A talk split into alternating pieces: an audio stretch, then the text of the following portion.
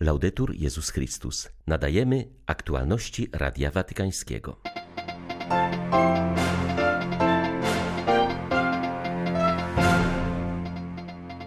W drugim dniu swojej podróży apostolskiej papież Franciszek spotkał się z przedstawicielami Kościoła prawosławnego na Cyprze. Ojciec Święty podkreślił, że obie wspólnoty mają korzenie apostolskie i łączy je droga Ewangelii.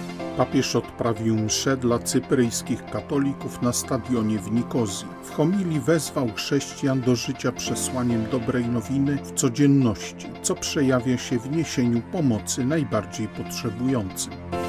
Ostatnim punktem dnia było spotkanie Franciszka z migrantami mieszkającymi na Cyprze, a także wspólna modlitwa połączona z wysłuchaniem ich świadectw. 3 grudnia witają Państwa ksiądz Krzysztof Ołdakowski i Łukasz Sośniak. Zapraszamy na serwis informacyjny.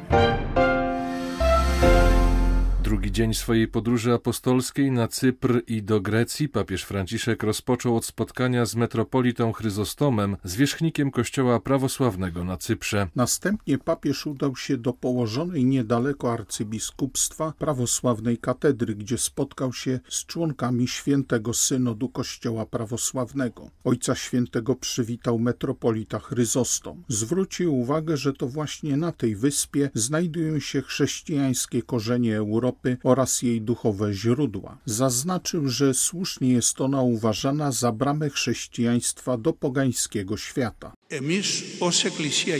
My, jako Kościół Cypru, wiernie naśladując ducha miłości Jezusa Chrystusa, mamy dobre relacje ze wszystkimi kościołami i dążymy do dialogu ze wszystkimi. Pochwalamy trwający dialog między patriarchatem ekumenicznym a Kościołem katolickim w Rzymie i modlimy się o jego powodzenie. Słowo Chrystusa, który mówi, a mam jeszcze inne owce, które nie pochodzą z tej owczarni, też muszę je przyprowadzić. Będą słuchać mego głosu i staną się jedną trzodą i jednym pasterzem. Są dla nas punktem odniesienia dla naszych eklezjalnych perspektyw, które mogą się urzeczywistnić jedynie poprzez miłość i szczery dialog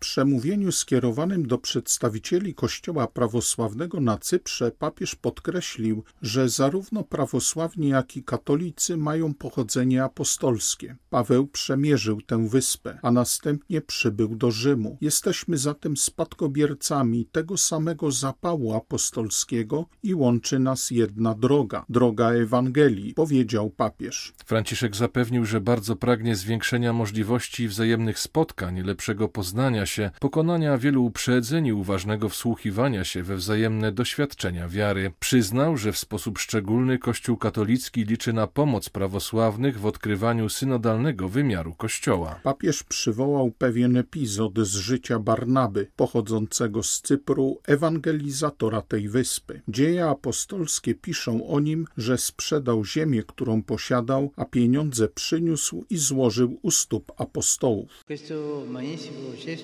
Ten wspaniały gest sugeruje, że aby odrodzić się w komunii i misji, my także potrzebujemy odwagi, by ogołocić się z tego, co doczesne, choć wartościowe, aby dążyć do pełni jedności.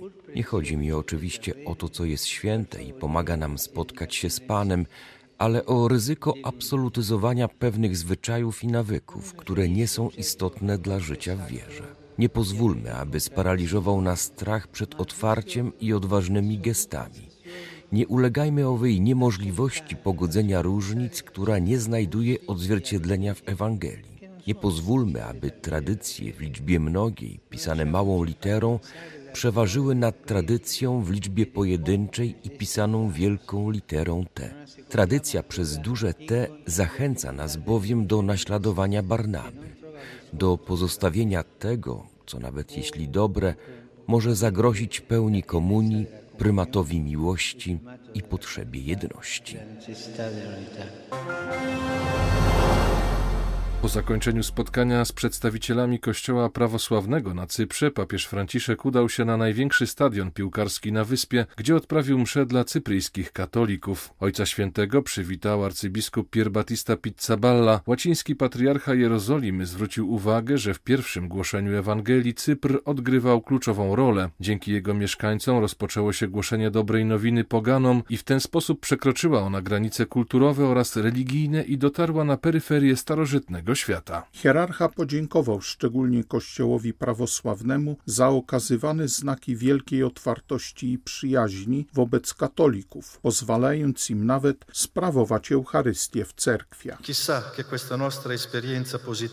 Kto wie, czy to nasze pozytywne doświadczenie nie będzie pierwszym krokiem w drodze do jedności, za którą tak tęskni nasz lud. Oby Cypr stał się dla innych kościołów wzorem jedności i harmonii, spotkania i szczerej przyjaźni. To właśnie ta mała wyspa, choć zraniona tak licznymi podziałami, niesie ze sobą światło i nadzieję, harmonię między kościołami, gościnność i integrację, jak widać na przykładzie tego zgromadzenia, w którym nie sposób odróżnić, kto jest Cypryjczykiem, a kto nie, gdzie osoby najrozmaitszego pochodzenia, Azjaci, Afrykańczycy, Europejczycy, migranci, pracownicy zagraniczni wraz z miejscowymi Cypryjczykami tworzą jedno ciało, jedną wspólnotę, tak jak w czasach pierwszego głoszenia.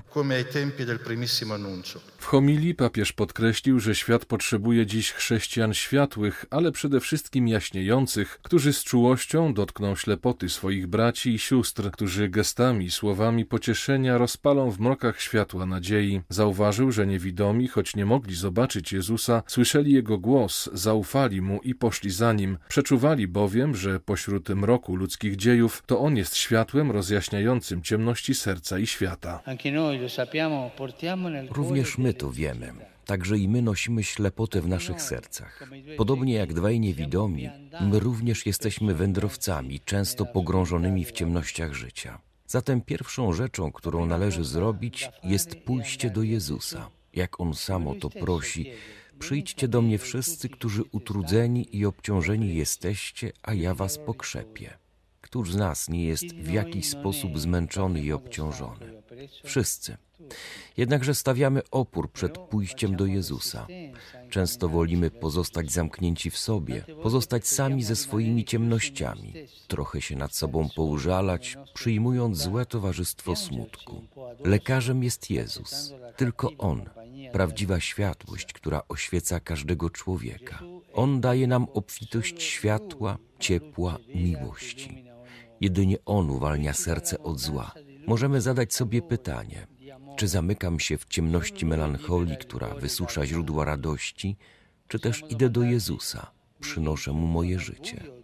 Czy idę za Jezusem, czy ruszam za Nim, czy wykrzykuję Mu swoje potrzeby, czy oddaję Mu swoje rozgoryczenie? Zróbmy to. Dajmy Jezusowi możliwość uzdrowienia naszych serc. Papież zwrócił uwagę, że niewidomi z dzisiejszej Ewangelii nie działają w pojedynkę, lecz zawsze występują razem, przemawiają w liczbie mnogiej, wspólnie zostają też uzdrowieni. Oto wymowny znak życia chrześcijańskiego. Oto charakterystyczny rys ducha kościelnego myśleć, mówić, działać jako my, porzucając indywidualizm i roszczenia samowystarczalności, które powodują niemoc serca.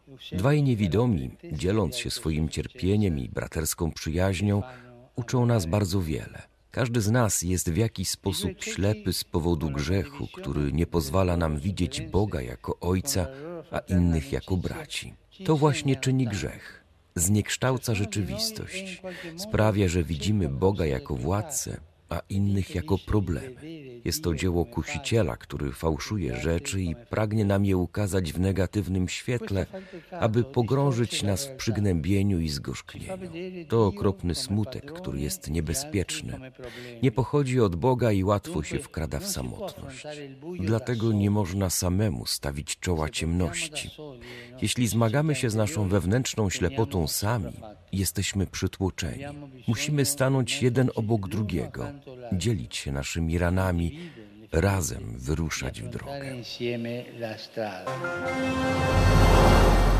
O godzinie 16 papież przybył do kościoła Świętego Krzyża w Nikozji na spotkanie ekumeniczne z migrantami i uchodźcami. Ojca Świętego przywitał arcybiskup Pier Battista Pizzabala. Patriarcha łaciński Jerozolimy zwrócił uwagę, że Cypr jest pierwszą wyspą na Morzu Śródziemnym, która doświadcza dramatu tysięcy osób uciekających przed wojną i biedą. Zaznaczył, że przyszłość Europy rozstrzyga się w regionie Morza Śródziemnego, przez który które przepływają nie tylko zasoby energii i bogactwa, ale także konkretni ludzie, osoby oraz narody, z którymi trzeba się spotkać i bez których nie będzie ani rozwoju, ani przyszłości.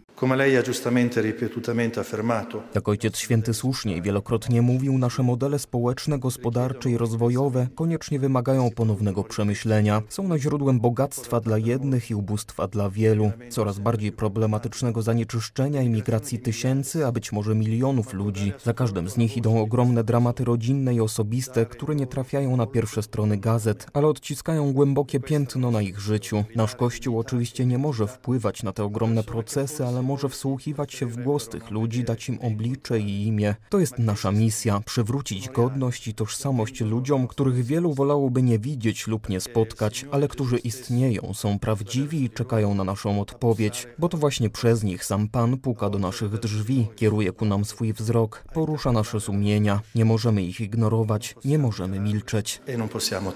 Następnie Ojciec Święty wysłuchał świadectw przedstawicieli migrantów i uchodźców, którzy podzielili się z papieżem swoim życiowym doświadczeniem wędrówki w poszukiwaniu lepszego życia. Podkreślali, że zwykle są traktowani urzędowo jako cudzoziemcy, ofiary, ubiegający się o azyl lub po prostu inni, a chcieliby, żeby wreszcie zobaczyć w nich brata, przyjaciela, wierzącego oraz sąsiada. Młody mężczyzna z południowej Azji wyznał, że czuje się wciąż jakby był w podróży.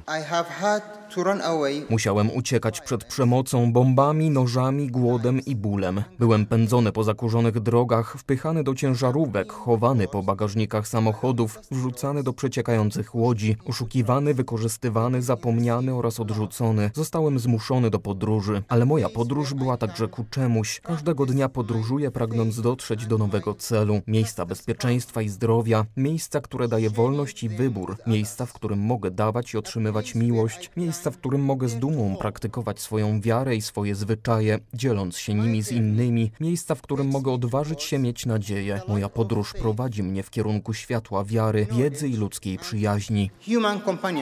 Papież przyznał, że jest głęboko wzruszony świadectwami młodych migrantów. Dla wspólnot chrześcijańskich są one niczym zwierciadło. Kiedy ty, Makolin, który pochodzisz z Kamerunu, mówisz, że w ciągu twojego życia zostałeś zraniony nienawiścią. Mówisz o tym, o tych ranach, o tych interesach. Przypominasz nam, że nienawiść skaziła także nasze relacje między chrześcijanami. A to, jak powiedziałeś, pozostawia ślad. Głęboki ślad, który utrzymuje się przez długi czas. Jest to trucizna. Sam to odczułeś. Nienawiść jest trucizną, od której trudno się uwolnić. To mentalność wypaczona, która zamiast sprawiać, byśmy uznawali się za braci, powoduje, że postrzegamy siebie nawzajem jako przeciwników, jako rywali, jako coś na sprzedaż lub do wykorzystania. Podążając tą drogą długą i pełną wzlotów i upadków, nie powinniśmy obawiać się różnic między nami, ale raczej naszych zamknięć i uprzedzeń, które uniemożliwiają nam prawdziwe spotkanie i wspólne wędrowanie. Zamknięcia i uprzedzenia odbudowują między nami ten mur podziału, który zburzył Chrystus, mianowicie wrogość. I tak nasza droga do pełnej jedności może się rozwijać, o ile wszyscy razem będziemy wpatrywać się w Jezusa, w tego, który jest naszym pokojem, który jest kamieniem węgielnym. A On, Pan Jezus, wychodzi nam na spotkanie z obliczem brata zepchniętego na margines i odrzuconego, z obliczem migranta pogardzanego, odrzuconego, zniewolonego. Były to aktualności Radia Watykańskiego. Laudetur Jezus Chrystus.